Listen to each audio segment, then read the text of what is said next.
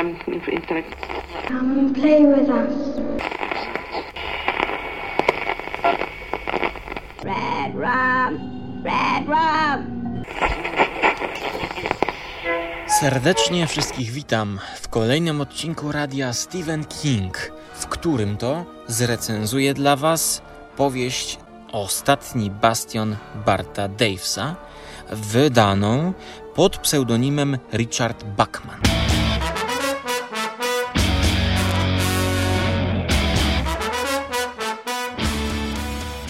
Oczywiście w dzisiejszych czasach ów pseudonim został już rozszyfrowany i na okładce każdej książki mamy wielkimi literami napisane Stephen King.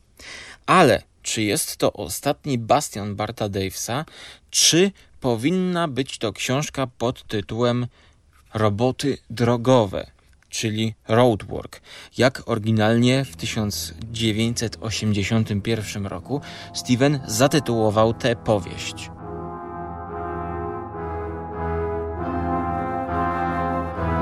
No, kto by kupił książkę o robotach drogowych? Nikt. Chyba, że wydałoby to jakieś wydawnictwo zajmujące się science fiction, a roboty drogowe byłyby jakimiś nowymi androidami, które remontują polskie autostrady. Słowo bastion, w dodatku ostatni, przywodzi na myśl oczywiście jedną z najdłuższych powieści Stevena, czyli Bastion, postapokaliptyczną wizję świata. Natomiast tutaj ta postapokaliptyczna wizja, e, właściwie apokaliptyczna czy preapokaliptyczna, dotyczy głównego bohatera, Barta Davesa, którego dom stoi na drodze drogi. Tak, jego dom stoi na drodze budującej się autostrady i ma zostać zburzony.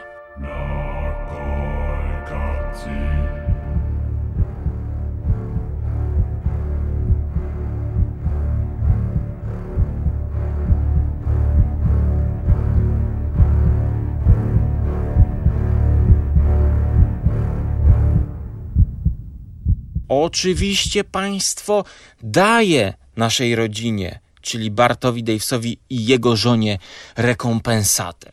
Jednak ta rekompensata dla niego jest niewystarczająca. No a poza tym to są pieniądze, które nie będą potrafiły mu odkupić utraty wspomnień, tych najlepszych chwil, te, tego miejsca, w którym spędził 20 lat swego życia ze swoją żoną.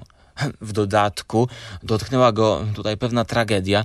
Stracił dziecko w młodym wieku, nie mogą już mieć nowego potomka i ich związek, małżeństwo wisi na włosku.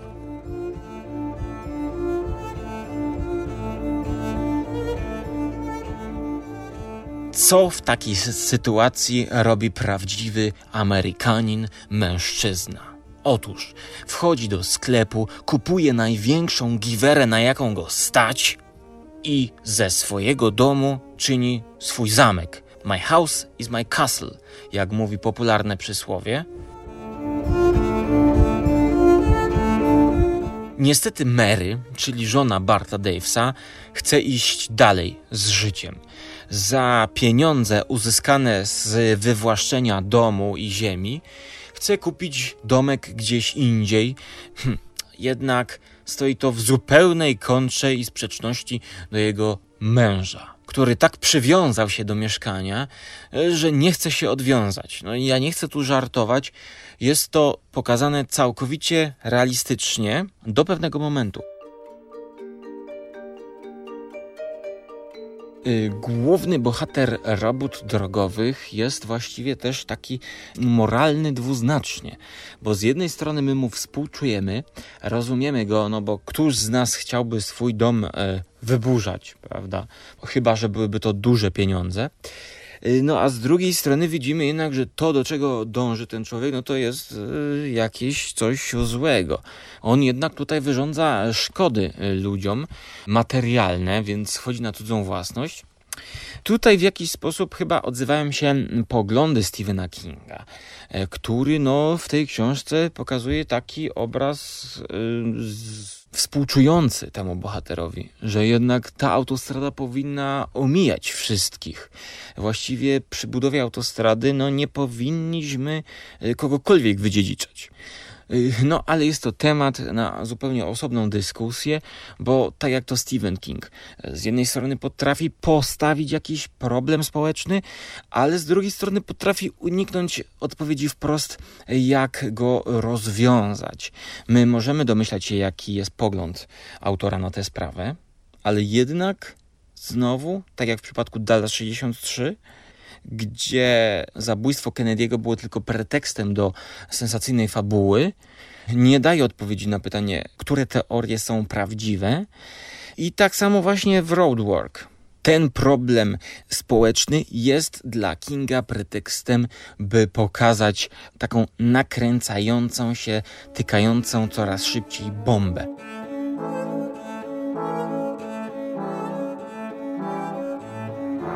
Można by wręcz nawiązać do książki Antonego Bergesa i filmu na jej podstawie, czyli Mechaniczna Pomarańcza. Właśnie główny bohater jest taką nakręcaną, mechaniczną pomarańczą.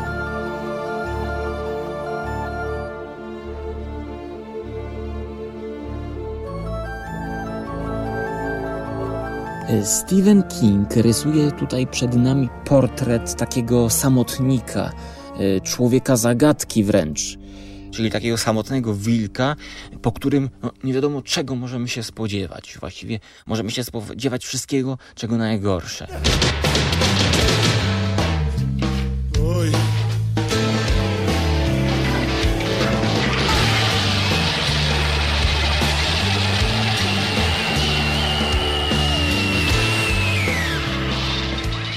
Również trzeba wziąć pod uwagę, że jest to Ameryka, gdzie broń jest bardziej dostępna niż w Polsce i właśnie poprzez taką fabułę Stephen King jakoś ustosunkowuje się do tego problemu. I jakie są jego poglądy w tym względzie? No to oczywiście fani Kinga dobrze o tym wiedzą.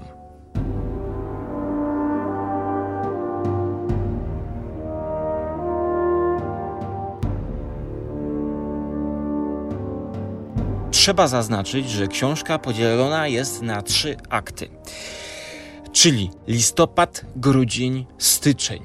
W listopadzie mamy zarysowany cały obraz sytuacji. Dowiadujemy się o całej sytuacji, bohater kupuje broń.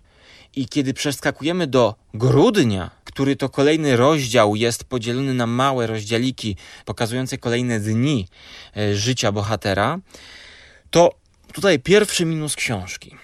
Otóż Stephen King słynie z ukazania wiarygodnych psychologicznych portretów swoich postaci. I teraz ja pytam, jak mam uwierzyć w to, że Mary w grudniu zostawia swojego męża? Opuszcza go, zostawia go na lodzie, odchodzi od niego.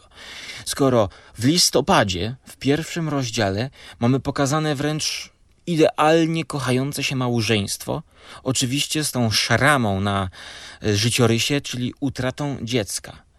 I tutaj, no, Stephen King wymyślił taki przeskok, czyli zaciera nam przed oczami ten moment kluczowy, czyli właściwie przejście z pierwszego aktu na drugi akt, czyli ten punkt zwrotny, i my nie widzimy, jak do punktu zwrotnego dochodzi. Musimy po prostu przyjąć na wiarę, że rzeczywiście już było tak niedobrze, że w drugim akcie widzimy na początku samego mężczyznę ze swoim domem opuszczonego przez żonę. I właściwie już powoli godzącego się z tą sytuacją. No i to bardzo mi nie grało. Tym bardziej, że trzeba znowu powiedzieć, iż jest to jedna z niewielu książek Kinga w pełni obyczajowych. Y, można powiedzieć, taki mainstreamowy Stephen King, czy też głównonurtowy y, dla tych, którzy mają problem ze współczesnym polskim językiem. Głównonurtowy Stephen King, w którym nie ma żadnych elementów z horroru, czegoś nadnaturalnego i tak dalej. No, można powiedzieć, że jest to swoisty thriller, w jakiś sposób kojarzący się ze sławnym filmem z Michaelem Douglasem, który wkurzony w korku bierze pałę baseballową i zaczyna tłuc wszystko, co się rusza.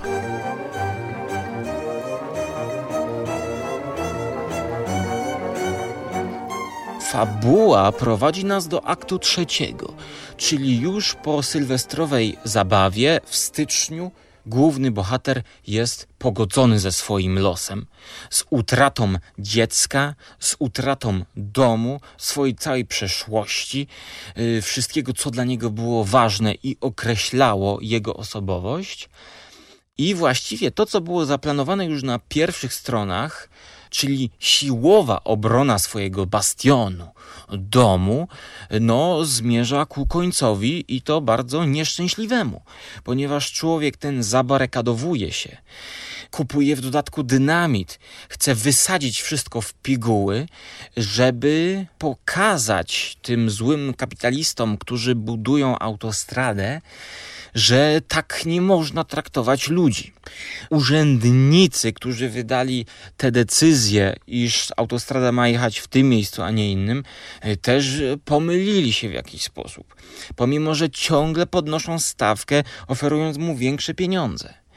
On w końcu te pieniądze bierze, ale jednak nie po to, żeby się przeprowadzić, a żeby oszukać aparat państwa i jak najdłużej móc okupować to mieszkanie, swoje domostwo, a kiedy dochodzi do starcia z władzami, z policją, która chce właśnie przystąpić do pracy, to polski tytuł, ostatni bastion Barta Davesa zaczyna być znaczący, a także powiedzenie, które już przypomniałem, czyli mój dom jest moim zamkiem. No i właściwie tutaj mogę robić, co mi się podoba.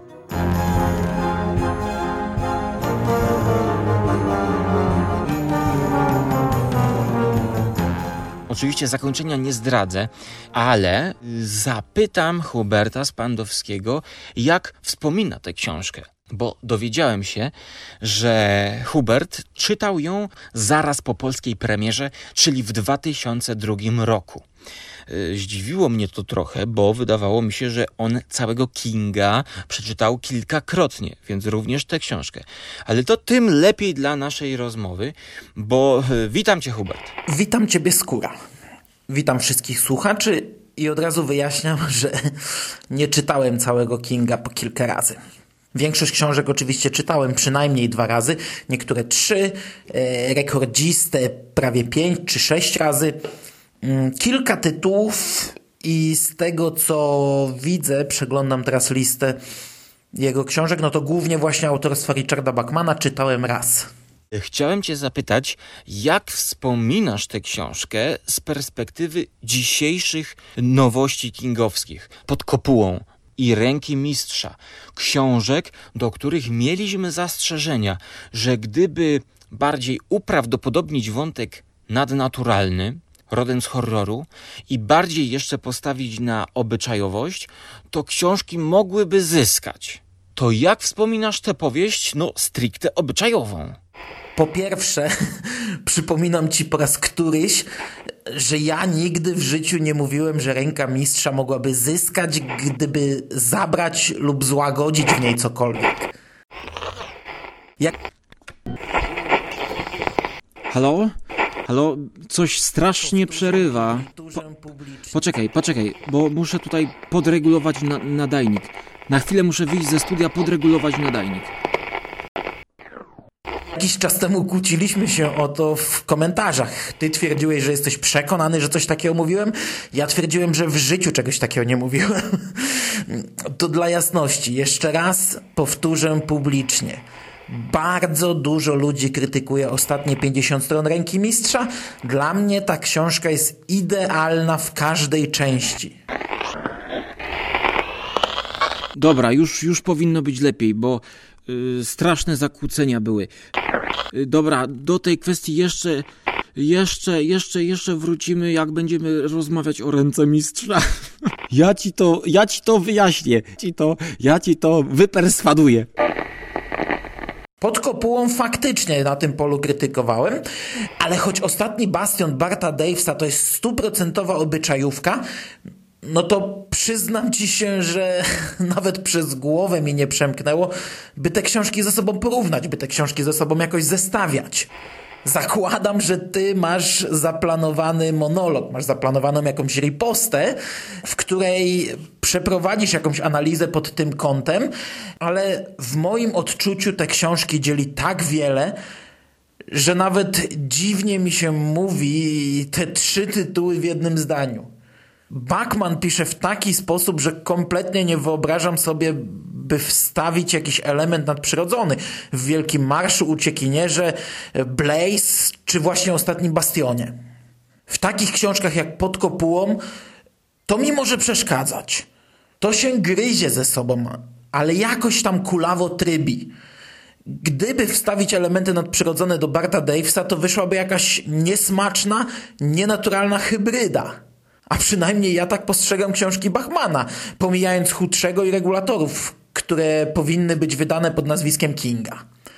I pod kątem obyczajowym ja oceniam książki Bachmana bardzo dobrze, w tym również ostatni bastion Barta Davesa. No to powiedz na koniec, czy po tym wszystkim, co tutaj wysłuchałeś, e, nie masz ochoty wrócić do tego Bachmana i zrewidować, czy King bardziej powinien iść w obyczajowość, czy zostawać w horrorze i w kiepskim doktorze śnie. No właśnie, tak szczerze to nadal nie ciągnie mnie do tego tytułu, ale to dlatego, że osobiście mam zupełnie inny problem z tą książką. Porównuję ją bardziej z lśnieniem. Oczywiście tylko na jednej płaszczyźnie, ale dla mnie to jest dość istotna kwestia, o czym mówiłem recenzując nie tak dawno lśnienie. Bardzo możliwe, że ja to źle zapamiętałem. Ale w mojej pamięci Bart Daves jest postacią męczącą, takim nerwowym, przegranym furiatem, który podobnie jak Jack Torrance trochę na własne życzenie przegrywa swoje życie. Robi z siebie męczennika, ofiarę losu, y, którą wszyscy na lewo i prawo kopią i pomiatają. Możliwe, że warto byłoby to zweryfikować, bo możliwe, że teraz gadam z tych bzdur. To nie są bzdury. Rzeczywiście tak jest. On robi z siebie ofiarę. Ale ja tak zapamiętałem tę książkę. Szczególnie, że jak to czasami bywa, ta lektura zgrała się z moimi podobnymi przeżyciami. O matko, zaczyna się. Znaczy, no. Znowu. Nikt nie planował zburzyć mi domu i nie sięgnąłem po broń. Ale w tym okresie, w którym czytałem tę książkę, też na własne życzenie popsułem wiele dobrych rzeczy wkoło mnie. Zaczyna się. Rozwaliłem kilkuletni związek. O matko. Katowałem O się alkoholem O. przez kilka kolejnych miesięcy. Użalałem się nad sobą, e, robiąc siebie ofiarę losu. Co ja zrobiłem? Podobnie czułem się czytając Lśnienie, gdzie frustracja Jacka udzielała mi się podczas lektury. P- Przez, przez nagrywanie tego podcastu zmusiłem Huberta do wspominania tych najgorszych, złych wspomnień. No, co mnie skusiło, co mnie skusiło, żeby, żeby męczyć tego człowieka, żeby on wracał do takich czarnych dziejów ze swojej przeszłości. No, gdybym ja, ja, gdybym ja to wiedział, to naprawdę ja bym go nie męczył. Ja bym w ogóle nie prosił go o tutaj połączenie i wstawkę, bo, bo teraz ja już zrozumiałem. Dlaczego ten podcast musiał czekać trzy miesiące z publikacją, zanim Hubert zbierze się i sięgnie do tej najmroczniejszej przeszłości swego życia? Naprawdę przepraszam wszystkich, przepraszam. Jak w Blair Witch Project, przepraszam wszystkich. Jeszcze dobrze, że po tą giwerę nie sięgnął. Pewnie był blisko.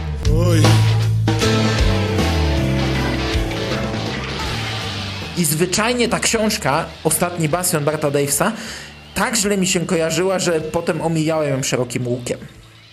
Ale, no właśnie, ale, Mm, Jest ale. Hosanna. Dzięki Bogu. wypadałoby zweryfikować to wszystko, o czym tutaj mówię i wypadałoby w końcu wrócić do tej historii. Szczególnie, że ty, Skóra, uświadomiłeś mi, że akcja książki osadzona jest zimą, a do tego częściowo w Wigilię czy Sylwestra. Może zatem za rok w grudniu po nią sięgnę, szczególnie, że to trochę siara, y, że tylko raz ją czytałem.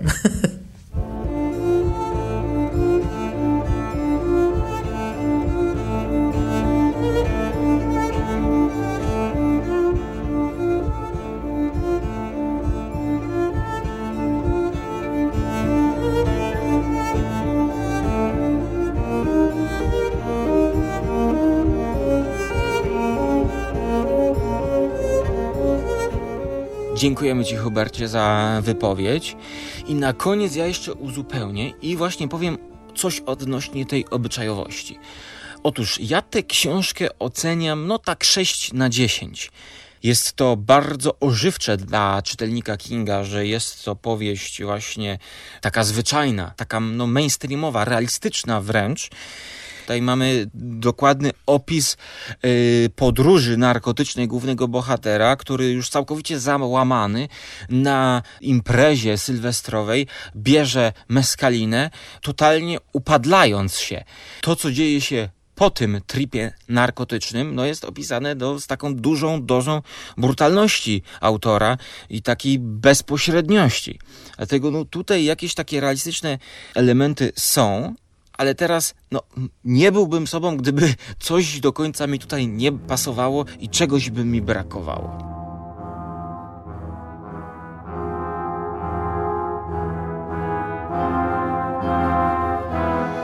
Jak na ironię, w książce, która jest w 100% obyczajowa, brakuje mi tego elementu nadnaturalnego.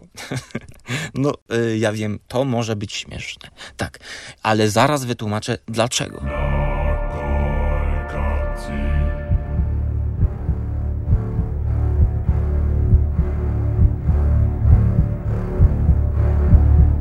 Weźmy rękę mistrza.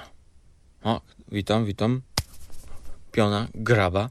Tam całe zakończenie, które szło w stronę horroru rodem z klasy B, duchy, zjawy, pani jeziora i tak dalej, i tak dalej, nie pasowało mi, ponieważ nie pasowało do poprzednich 80% książki, gdzie właśnie w długiej powieści, prawie że w 800-stronnicowej, Stephen King tworzy postać głównego bohatera, pisarza, który wyjeżdża na pustkowie. Tam pozna jakichś przyjaciół, ludzi, którzy też są w jakimś krańcowym momencie życia. Cały czas akcja płynie powoli, powoli. Dopiero w ostatnich stronach Stephen King musiał przy, przywalić, musiał pokazać, że on jest gościem, który wychował się na Frankensteinie i Drakuli.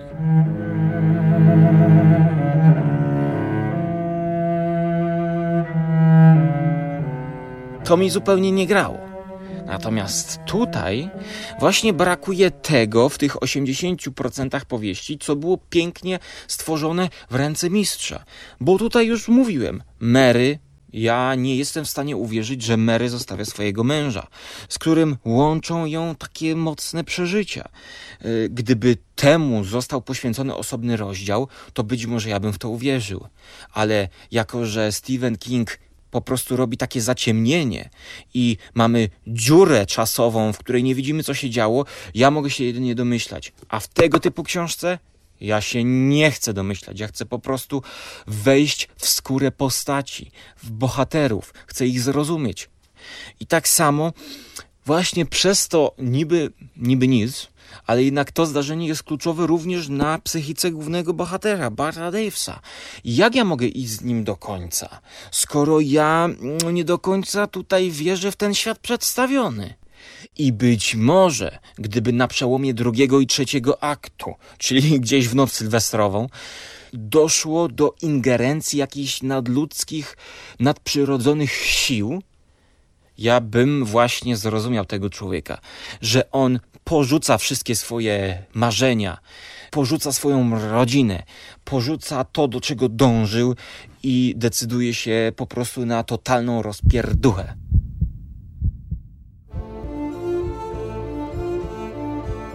bo właśnie jakaś obca siła, nie z tej ziemi, przekonała go do tego, żeby to zrobić, albo kazała mu wręcz. Wtedy prawdopodobnie bym w to uwierzył.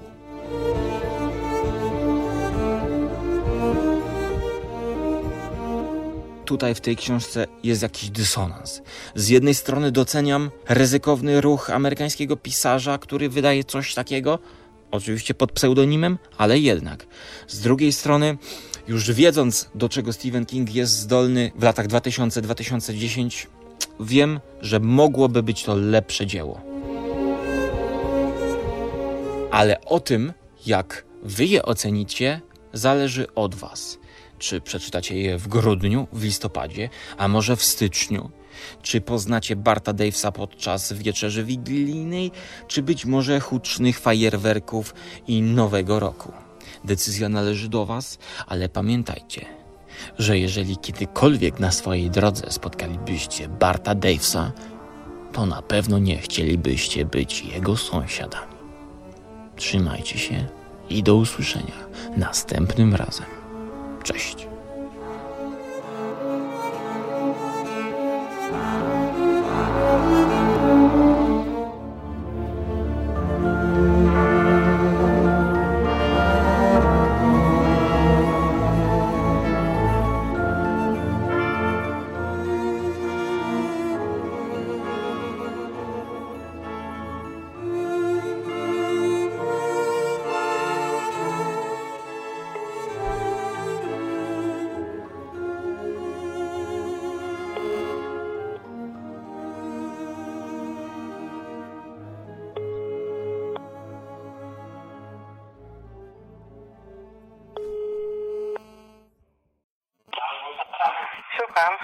Cześć babcia.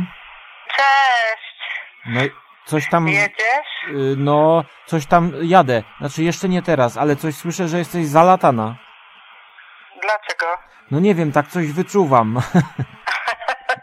E tam zalatana. Oglądałam film. Aha. No y, właśnie, a nie mówiłaś mi o tym Stephenie Kingu, co ci się w końcu go udało przeczytać do końca. Przemogłaś się w końcu i... Przemogłam się i jakoś go skończyłam. A bo w końcu trochę tak mnie trochę, wiesz, wciągnęło, ale na początku okropnie. No. Y, ale to co cię wciągnęło, jak już tam się zaczęła ta akcja w związku z tym, że on planuje ten zamach jakby?